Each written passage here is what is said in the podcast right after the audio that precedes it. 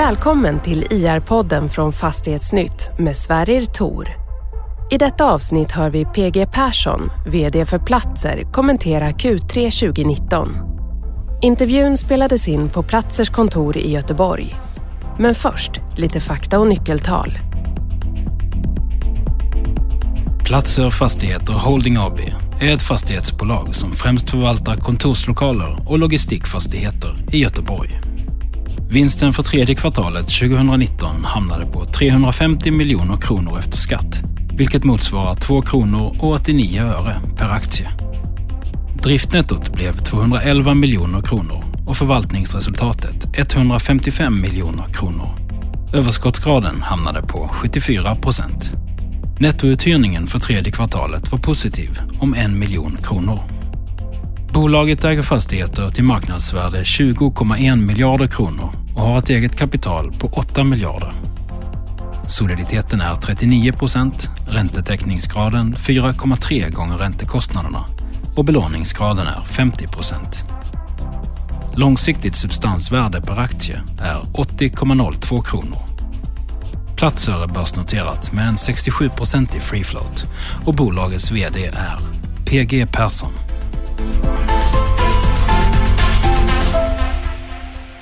Hej PG, välkommen till IE-podden. Hej Sverrir, tack så mycket. Nu är vi på ert nya huvudkontor. Ja, Är det permanent det här eller? ja det, det var nytt och nytt. Det är två år sedan eh, snart år vi sedan ni flyttade hit. Ja, november eh, 2017. Nu är det snart november 2019 så tiden går. Ja, Och det har varit ett ombyggnadsprojekt Mm. hela tiden. Så snart 2020 så är vi väl klara med själva ombyggnadsprojektet och då, då blir det ett eh, kontor som är färdigbyggt. mm. Det ser man. Ja, det var, förra gången vi sågs på ett kontor var ju i Gårda. Ja, det är länge det är ett tag sedan nu. Ja, verkligen. Nej men jag tror att vi kommer sitta här ett tag nu för vi, vi gillade ju Gårda och var inne mitt i smeten där och jobba med fastigheterna nere i Gårda. Nu är vi mitt i smeten här och Mm. jobbar med de här fastigheterna här. Så att, eh, jag tror det är bra att sitta nära där man vill utveckla. Mm. För då går man och tänker på det varje dag när man går förbi. Mm. Och för oss som inte är helt bevandrade i just de här delarna av Köp äh, Köpenhamn, Göteborg. Det var en göteborgare jag drog där. Men eh, är det här Gullbergsvass eller är det Gamlestaden? Detta är Gullbergsvass. Okej. Ja. Gamlestaden är ju en eh, fem, sex minuters eh, tåg eller, eller Okej. spårvagnsresa härifrån. Så Mm. detta är Gullbergsvass och det huset vi sitter i är på kanten till det som idag är CBD. Så att detta huset är CBD. Mm. Eh, Går du 50 meter härifrån så är det fortfarande inte CBD. Okej. Det är så okej. det funkar lite på olika fastighetsmarknader. Att det gäller att ha, det gäller att ha lite koll på vad, vad som är vad. Precis, så ni, ni, ni betalar svindyr hyra här till er själva? Vi betalar snart lägst hyra i detta huset. när, vi, när vi började för två år sedan med det här projektet så var hyresnivåerna på en lite annan nivå än vad det är nu. Så då betalade vi högst hyra i huset vid, den, vid det tillfället var vi i sig bara två hyresgäster. Mm. Och nu betalar vi alldeles för låg hyra så nu måste vi förhandla med oss själva snart. Okej, okej. Det kan bli en spännande förhandling. Ja. Det, det händer ju otroligt mycket eh, här i området kring centralen. Gamlestaden ska ni börja köra igång snart om ni inte redan är igång. Nej, det är vi inte. Vi har ju väntat på detaljplanen. Men, Mm. men den delen som är eh, Gamlestads torg, den är ju nu en förvaltningsfastighet och upp Mm. och går. Som, Mm. Mm. med, eh, så så att eh, nästa steg är ju fabrikerna och det håller vi på med och väntar på. igen- Egentligen väntar vi på miljö, en miljödom. Mm. Eller vi, vi i detta fallet är ju kommunen för det är ju kommunen som ska ha en, en rätt att använda vattnet när de gör en detaljplan. Okej. Så vi, vi är ju parten som, som vill eh, bygga vidare i Gamlestadsfabriken men det är ju kommunen som är parten när det gäller att få lov att göra det Mm. utifrån ett kommun och nationellt perspektiv. Okej, okej. Eh, du nämner ju i vd-ordet att, att eh, vissa detaljplaneprocesser drar ut på tiden, vilket du känner jag lite en irritation över i din ton där. Men, men du också nämner att er personal och, och, och samarbetspartners jobbar liksom idogt även, även om det är liksom svårt att få igenom saker. Men det är sådana här saker du Ja. syftar på? Eller kanske till och med jag, den jag skulle inte säga att jag är irriterad, jag är frustrerad mer än irriterad. Alltså det, är lite, det är det här pla- planmonopolet tar tid. Mm. Och det vet vi alla om i den här branschen. Men samtidigt är det så att när vi har en väldigt bra marknadssituation som vi har nu så är, blir man ju lite ännu mer frustrerad Mm. för man vet att det finns möjligheter att göra bra, bra affärer och det finns en efterfrågan. Mm. Och då, eh, att då detaljplaner drar ut på tiden det, det känns ännu, ännu jobbigare just i ett sådant marknadsläge. Mm. Så det är en lärdom för de som vill gå, gå, gå i fastighetsbranschen. Man måste, måste vara tålmodig. Det är faktiskt så. Man får, man får acceptera att det är ett monopol och att eh, kommunerna har det monopolet och att även om kommunerna skulle göra sitt jobb så har du då ett riksintresse. Det är också en form utav monopol att, att eh, Länsstyrelsen kan överpröva planerna. Mm. Mm. Det händer som sagt mycket i Göteborg. Det är inte bara här, det är liksom runt, runt vattnet nästan hela vägen ut, ut i havet höll jag på att säga. Men, men också i gårdar fortfarande va? Ja, I platser då, är ni mer projektintensiva nu än ni har någonsin varit eller? om du tittar på vad vi har i böckerna idag som inte är kassaflödes eh, värde så ligger vi ungefär strax under 8 nu på alltså marknadsvärde och det är inte all time high i platser utan vi har legat upp mot 9 som högst. Okej. Det var 2015 så vi eh, relativt sett är vi kanske inte så, det är inte det, är inte det högsta men däremot i pengamässigt är det ju det är en och en halv miljard idag som vi har Mm. i investeringar eller i markvärden som inte genererar kassaflöde. Och, och, och jag tror att eh, det optimala, menar, vi ska inte kanske gå så långt över 10 i varje fall. Mm. Mm. Så ni börjar närma er liksom taket på något sätt? Vi, vi börjar närma oss taket men samtidigt börjar vi också närma oss färd, färdigställandet så vi, vi är inte jättelångt kvar nu till eh, Västa-projektet som, eh, som är ett eh, stort eh, miljardprojekt. Det är inflyttning i december 2020 och det är ju snart bara ett år kvar. Mm. Mm. Så när vi väl börjar få in, eh, när de projekten börjar bli klara 2020-2021 så, Mm. så, bör, så blir det ju ett kassaflöde utav det. Mm. Och då Mm. kan vi investera. Re- Rent relativt sett så kan vi investera mycket pengar igen. Mm. De, de lyssnare som hör bra hör att det, det bankas här i bakgrunden. Så det, det är projekt, projektintensivt på riktigt. det är projektintensivt. Och nu, vi, vi kör ju ändå projektet lite försiktigt på dagtid för nu börjar det fyllas med hyresgäster i detta huset. Mm. Men eh, sitter man här eh, en minut över fem på eftermiddagen så går det igång ordentligt. Men du, om, om man tittar på marknaden i, i stort i Göteborg. För det, det, det har ju pratats om det länge. Det finns inte knappt en städskrupp att hyra. Eh, jag hade mm, Henrik Saxborn med mig i podden härom- häromdagen och han sa ju samma sak. Det är fortfarande väldigt låga vakanser. Hur ser mark- marknaden ut liksom? Det är ju, Göteborg har ju väldigt mycket mark kvar att bygga. Det, alltså, det finns ju mycket kvar att bygga på men inte detaljplanelagd mark. Mm. Så det är klart att eh, skulle vi få loss väldigt många detaljplaner inom en kort period så skulle det säkert eh, kunna bli en dämpning i, i, i hur läget ser ut. Men just nu så, jag brukar säga så här väldigt enkelt, sen, sen eh, kan man ju mäta det på väldigt olika sätt. Men säg att, säg att eh, det byggs en eh, 40-50 000 kvadratmeter ungefär eh, kommersiell yta och så behövs det 70-80 000. Mm. Och så har det varit eh, ett tag och det är klart att då blir det ju ett eh, tryck. Mm. Och vi märker det väldigt tydligt när nya fastigheter produceras. Alltså när, vi, när vi bygger nytt så är det väldigt populärt. Mm. Så ja, jag skulle säga att de som, de som, är, de som kör nu eh, tror jag är, de, är vinnarna. Mm. Eh, de som ligger lite efter i, i detaljplaneprocesserna och så, de klart att det finns en risk men, eh, men samtidigt finns det ju en efterfrågan hela tiden. Mm, mm.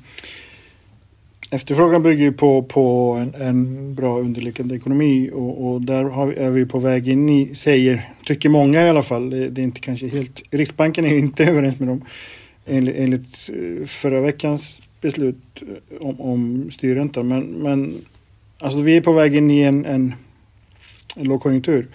Tror du att det kommer påverka marknaden något eh, liksom väsentligt? Jag, tro, jag tror att eh, om man, man tar våra två eh, marknader, alltså om du tar köp och försäljningsmarknaden, alltså fastighetsmarknaden, den påverkas inte jättemycket av eh, konjunkturen. Eh, alltså, det, är klart att, det är klart att har du väldigt hög vakans det, det, som påverkas av konjunkturen det är ju hyresmarknaden. Alltså hur mycket, mm. vilket tryck det är på att hyra ut. Mm. Och är det, en, är det en tuff lågkonjunktur så är det klart att då, då ökar vakanserna. Mm. Men om, hy, om räntorna är väldigt låga och gilderna fortfarande är låga så hålls, håller ju det uppe mm. mm. prisnivåerna. Så att jag tror att eh, en lågkonjunktur måste inte vara så jättenegativt eh, för fastighetsbranschen så länge inte det följs eller kombineras med en väldigt eh, ökad ränte, ökade räntor. Mm. Och det är ju inte så troligt att eh, vi ser de två scenarierna ihop utan det är ju snarare så att skulle det bli en lågkonjunktur så kommer man ju vara ännu mer mån om att hålla, hålla räntorna låga. Mm. Men du ser ingen liksom risk att man bygger för mycket Eh, alltså bygger för vakanser som egentligen inte finns när det kommer till kritan? Nej, det gör jag inte. Jag tycker, jag tycker det finns, alltså just nu är snarare risken åt andra hållet. Att det är, det är företag som inte eh, kan expandera och inte eh, hittar plats i, i stan att, att finnas på och, och få söka sig till andra ställen. Det är ju, det är ju negativt för Göteborg. Mm, mm. Kanske, mest inom, kanske mest inom eh, logistik och så eh, kontor så känns det som att vi ändå vi brukar hitta eh, när det kommer företag så brukar vi alltid hitta möjligheter. Mm, mm. Ni har som alla andra redovisar en siffra som heter nettouthyrning. Ja. Och den har ju hamnat lite i fokus senaste veckorna. Ja, det blir väldigt stort fokus på det just den här eh, rapportperioden. Mm. Jag vet inte om det berodde på att det var jag tror de tre första som kom ut var företagens eh, Precis. konkurrenter var ju, hade ju negativ nettouthyrning så det blev ett stort, mm. ett stort fokus. Som alla är väldigt stora också. Ja, och de är stora och de mm. kanske inte normalt har det. Negativ ja. Nej, precis. precis. Ni, ni har en, en positiv nettouthyrning om en miljon. Ja. Eh, vilket beror på att ni har en stor uppsägning på 22 miljoner. Ja. I Arendal. Eh, är det någonting du kan liksom säga annat om, om uthyrnings... Liksom, är du orolig för att ni, ni, kan få fler uppsägningar som liksom tickar stort? Man säger så. Det här Nej, är alltså vi, Mississippi egentligen. Ja, man, man tänker på dem. Eh, vi gjorde ju en ganska stor eh, eh, omförhandling i Q2 också som, där vi också hade ganska stor brutto uppsägning. Mm. Så det är klart att eh, det är, jag ser det som så att det är fortfarande bra det är bra bruttouthyrning och mm. Eh, då, har man, då kan man vara lite tuffare i, i omförhandlingarna. Och den dagen det inte är en sådan förhållande då kanske man får se, eh, alla vi får vara lite försiktigare. Mm. Men mm. Just som läget är just nu så, så omförhandlar vi ganska mycket. Okej, okay, okay. Då kommer vi in på, på en punkt också som eh, fastnade vi i rapporten att, att snitthyran, det är inte många, eller inte alla som redovisar snitthyra som ni gör. Nej. Bland sina eh, fastighetsrelaterade nyckeltal. Men det gör ni och den är uppe på över 1400, 1468 har för mig att jag såg. Ah. Eh, jämfört med 1341 i fjol. Mm. Och, och, man såg, om man, om man liksom bara räknar baklänges så ser man att redan fjärde kvartalet förra året så började den stiga eh, ganska rejält. Mm. Eh, hur ser det ut? Kommer vi se fortfarande se liksom höjningar av, av, av snitthyran? Vad är det som, som förklarar det? Ja, eh, du kommer definitivt se höjningar av snitthyran för det är ju kombinationen av att, att vi bygger nytt. Alltså ny, nya fastigheter har högre hyra. Mm. Eh, vi bygger mest kontor just nu. Eh, kontor har högre hyra än, än industri och lager. Och att vi omförhandlar. Och mm. nästan alltid, så som marknadsläget är just nu, höjer hyrorna. Mm. Så det är klart, om det ska gå åt något håll så ska det gå lite mer uppåt. Mm. Sen skulle det ju kunna vara så att vi köper ett eh, bestånd av logistikfastigheter, ja, då, då trycks den ju ner. Mm. Mm. Så det är klart att eh, lite beroende på vilken fastighetstyp vi, mm. eh, vi jobbar med. Mm. Hur, hur var ligger snitthyran på i CBD på kontor i Göteborg idag? Det, snitthyran vet jag inte om man kan prata om eh, så mycket men eh, man brukar ju prata om vad som är, vad som är topphyror. Mm. Mm. Och eh, det, det gick ju ganska fort i Göteborg från att man tyckte 2000 kronor kvadraten var bra till 3000 kronor kvadraten. Så den, den förändringen har ju skett nu på bara några år. Och idag skulle jag vilja säga att får man över 3000 så är det bra. Sen finns det de som hyr ut för fyra och ibland tre och fem och så men, men jag skulle ändå tycka att eh, över, tre, över 3000, mellan 3 och 3 och ett halvt, det är bra hyror i Göteborg idag. Okay. Och, eh, relativt sett. Mm. Betydligt lägre än i Stockholm med andra ord. Det är, ja, 10-12. Ja, det är det. Mm. Men sen är ju 10-12 i Stockholm kanske jämförbart då med de här fyra i Göteborg. Mm. Så det, mm. man får vara lite försiktig när man... Eh, mm. Det är alltid lätt att hitta enskilda uthyrningar. Mm. Som, eh, vi har ju i Gårda gått över 3000 kronors nivån. Så det är ju även, även i de områden som inte är CBD så stiger hyrorna ganska rejält. Mm. Och där har du kanske ännu större hävstång också i förhållande till eh, om man tittar på att gilderna kanske har gått lite kraftigare ner där också mm. i de randområdena typ Gårda, sådana mm. områden. Gamlestaden Gammelstaden fortfarande ah, väldigt höga gilder i förhållande till och det, det, är klart att utvecklar man ett område så, så kommer gilderna att tryckas, uh, tryckas ner. Mm. Bara utan att du har hjälp av uh, marknadskrafterna utan att du bara, mm. bara genom att vi utvecklar området. Mm. Vad, vad ligger snittgilden på? Vet du det? Eller, typisk yield i, i Göteborgs CBD på kontor? Ja, vi säger att 4 procent är, är, men det vi, det vi märker nu de senaste affärerna som har gjorts har ju gjorts på lägre nivåer. Men, men det ska ju till en hel del affärer innan man kan göra en sån. Men jag skulle säga att någonstans runt 4 i, i, ehm, i centrala Göteborg men, men 4,25 i Lindholmen, mm. Gårda. Så att det, det är väldigt nära. Så de områdena har ju närmat sig mm. definitivt. Och CBD-beståndet en del av Göteborgs CBD-bestånd är ju inte jättenytt. Mm. Så mm. att det är klart att kommer när centralen, Region City och det här kommer in som nyproducerat, stora volymer nyproducerat i CBD så kommer det, tror jag, kommer det påverka. Mm. Mm.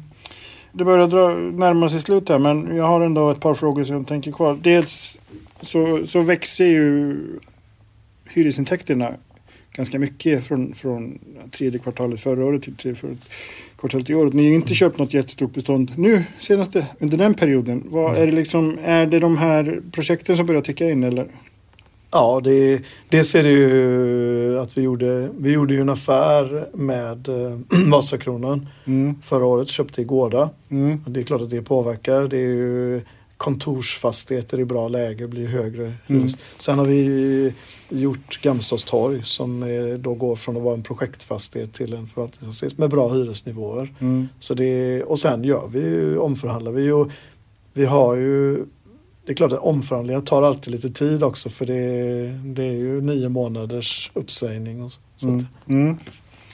Den andra var kring de här organisationsförändringarna. Ni har ju tagit, eh, börjar väl precis kommit igång med en ny ledningsgrupp där ni sätter fokus mm. på, på affärsområden i form av kontor kontra logistik, vilket ni inte har för. Alltså, en, en typisk aktieägare, vad, hur påverkas den av, av sådana här ändringar i ett bolag? Jag skulle säga att uh, den, den kommer att påverka oss ganska mycket därför att vi kommer att uh, kunna fokusera ännu mer på uh, industri och logistik eh, än vad vi gjort tidigare. Vi, det har lite försvunnit in i de stora kontorsframgångarna. Eh, vi har ju gjort väldigt mm. många framgångsrika projekt inom kontor. Eh, nu tror jag vi kommer kunna göra det. Vi kommer få fler personer som jobbar med vår tillväxt. Det tror jag kommer vara den stora vinningen med den här strukturen. Ganska stor förändring när det gäller det synsättet. Där vi har gått från vara det lilla bolaget där väldigt mycket sker i koncernledningen till att nu blir fler händer ute och jobbar med vår tillväxt. Så det tror jag kommer att synas tydligare i, vår, i vårt, både i vår, vår tillväxt och det är klart att det är en mm. fördel för även för aktieägare. Mm. Ni är nu över 20 miljarder i fastighetsvärde. Ja. Eh, du nämnde tidigare här i förbifarten om vi skulle köpa ett stort logistikbestånd. Mm. Jag är såklart nyfiken. Ja. Är det något sånt på gång? Nej, nej, nej det, var bara ett, eh, det var bara ett exempel. Men vad är, näst, liksom, vad är nästa mål för, för platser? Är det 25, är det 30 eller tittar ni inte på det så mycket kanske?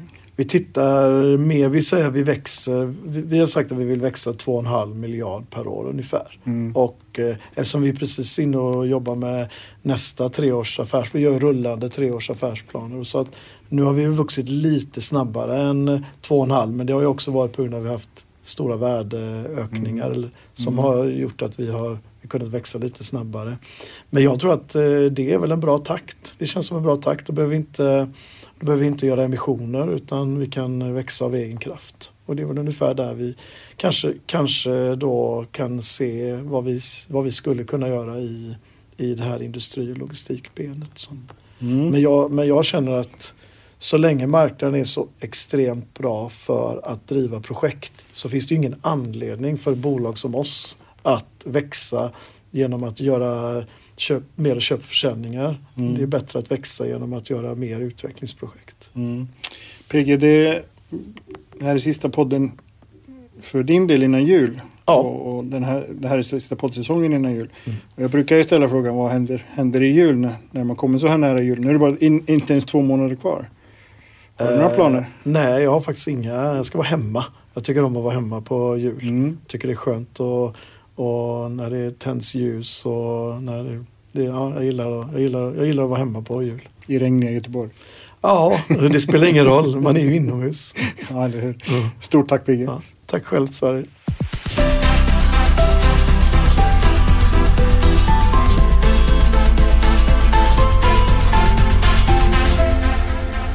Det här programmet görs på Beppo. Beppo. Beppo. Beppo.se